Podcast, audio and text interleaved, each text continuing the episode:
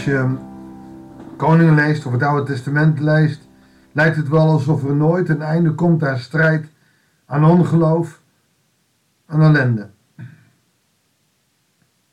Toch als je dan heel nuchter kijkt, is na koningen de ellende, de strijd en de rotzooi in de wereld nog steeds niet veranderd. Ook nu zijn er mensen die het allemaal beter weten, ruzie maken, op grote schaal oorlog voeren en op kleine schaal ook. En ook nu zie je dat de prijzen van gas, voedsel en noem maar op enorm stijgen. En in die zin is er eigenlijk niks veranderd. Oftewel, als je spreekt met prediker, er is niks nieuws onder de zon. Een mens blijft een mens. En als de mens zich zou overgeven aan God, vertrouwen hebben in God, en dat zullen we vandaag ook weer ontdekken, zou de wereld er heel anders uitzien. Maar aangezien niet God koning is van deze wereld, maar de ego en de status en de macht, ja, dan is het helemaal niet zoveel anders als in de tijd van de koningen. Goeiedag, hartelijk welkom bij een nieuwe uitzending van het Bijbelsdagboek. We lezen 2 Koningen 6, vanaf vers 24 tot en met hoofdstuk 7, vers 2. Enige tijd later riep koning Benadad van Aram zijn leger onder de wapenen. Dat is dus een ander uh, leger dan de Aramese bende uh, en de koning die hiervoor heeft aangevallen. Maar Benadad trekt op en belegert Samaria. Dat is de hoofdstad, niet Jeruzalem. Dat is van he, het kleine gedeelte van Israël. Maar de tienstammenrijk is gezeteld in Samaria. Daar belegerde de koning Benadad de stad. En het beleg duurde zo lang dat er in de stad een groot tekort aan voedsel ontstond.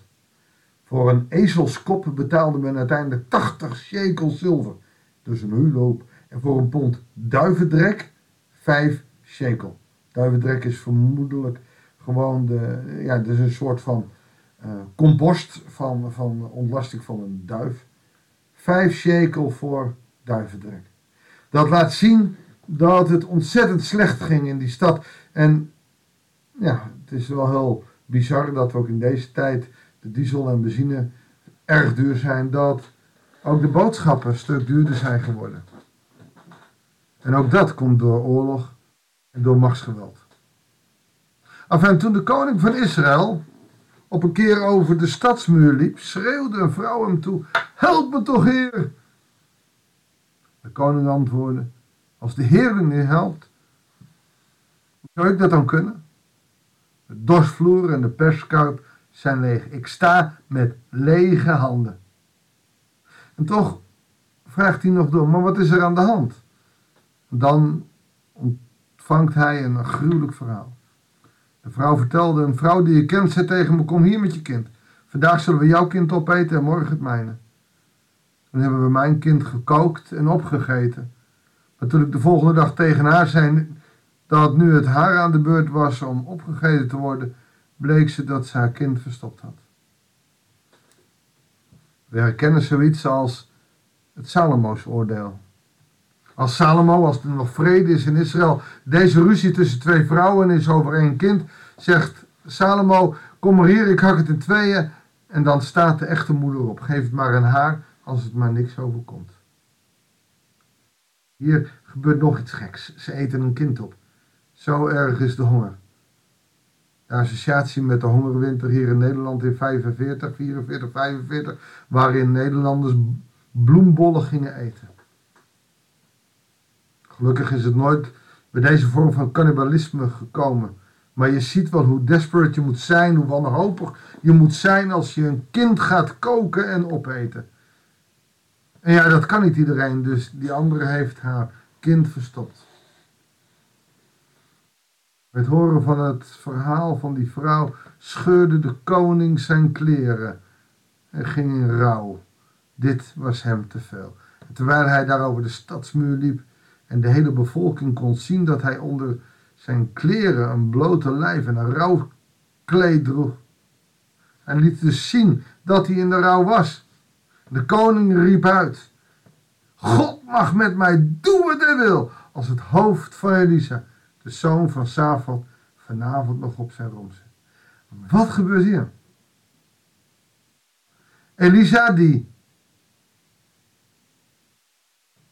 nog de redding heeft gegeven namens God in een vorige strijd, die hier niets mee te maken heeft, maar het gemis van de zwakheid van deze eigen koning van Israël maakt hem zo laaiend dat die enkeling, die Elisa, de schuld krijgt. Wat een bizar verhaal. Elisa was thuis en de oudsten waren bij hem. De koningen stuurden een bodem naar hem toe. Maar nog voor deze aankwam, zei Elisa tegen de oudste: Weet u wel dat die moordenaarszoon, en dan bedoelt hij de koning mee, iemand heeft gestuurd om mij te onthoofden? Sluit de deur zodra de bode van de koning eraan komt. Houd hem tegen. Hoor, volgt zijn heer hem niet op de voet. Daarmee doelt hij op de koning, oftewel deze bode komt die bode, uh, uh, boodschap brengen, maar de koning volgt hem op de voet, oftewel er is gevolg van wat hij gaat zeggen. En Elisa was nog niet uitgesproken, of er kwam de bode van de koning al aan. En de Heere heeft deze ellende over ons gebracht, zei hij. En omdat de Heer deze ellende over ons gebracht heeft, moet jij je hoofd missen. Moet jij, Elisa, vermoord worden. Omdat jij representatief staat voor de Heer. En de Heer heeft ons deze ellende gebracht.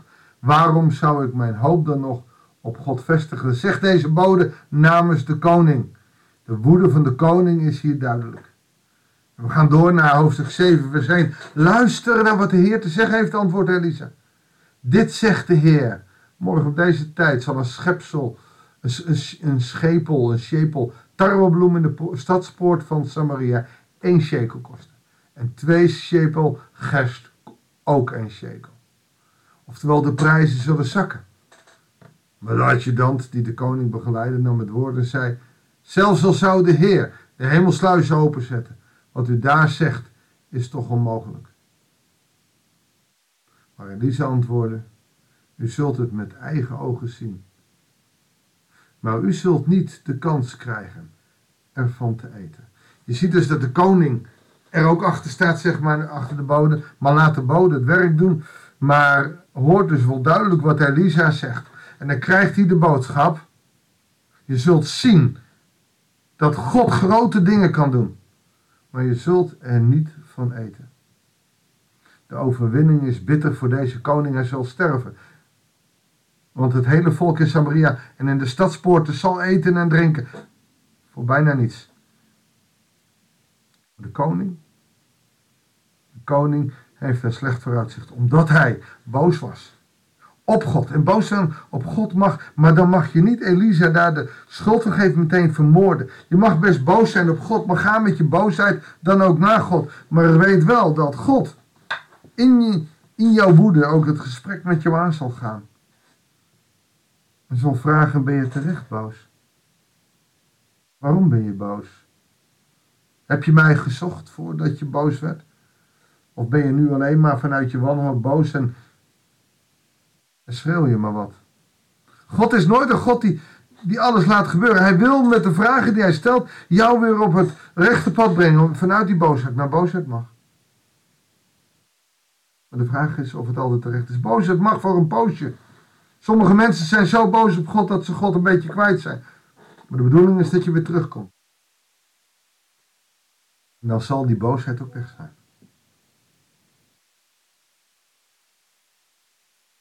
Dat, dat is de helende werking van God.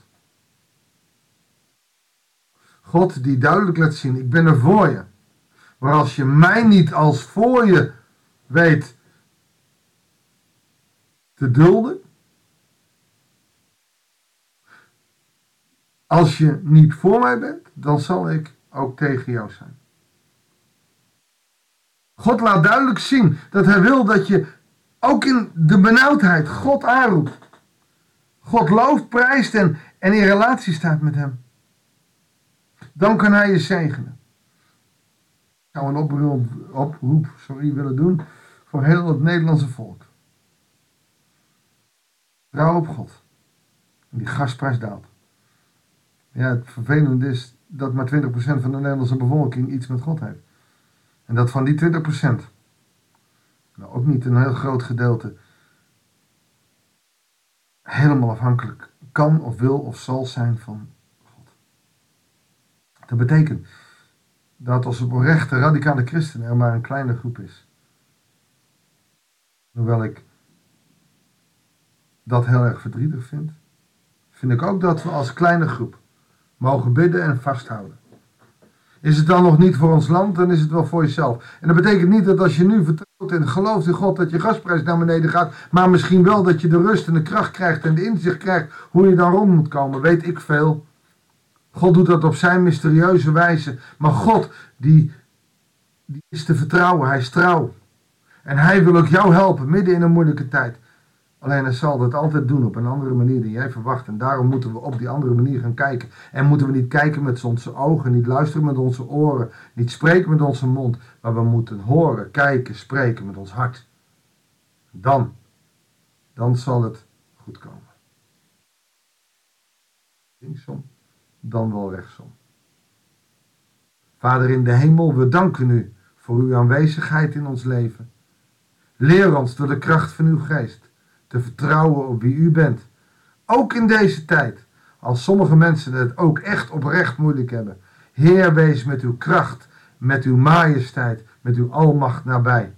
Maar leer ons ook te luisteren, niet met onze oren of onze ogen, maar met ons hart. Opdat we zien dat wonderen in ons leven zijn en afkomstig zijn van u. Dat bidden we in de machtige naam van onze Heer. Amen. Dankjewel voor het luisteren. God zegen. Een goed weekend en heel graag tot de volgende uitzending van het Bijbels Dagboek.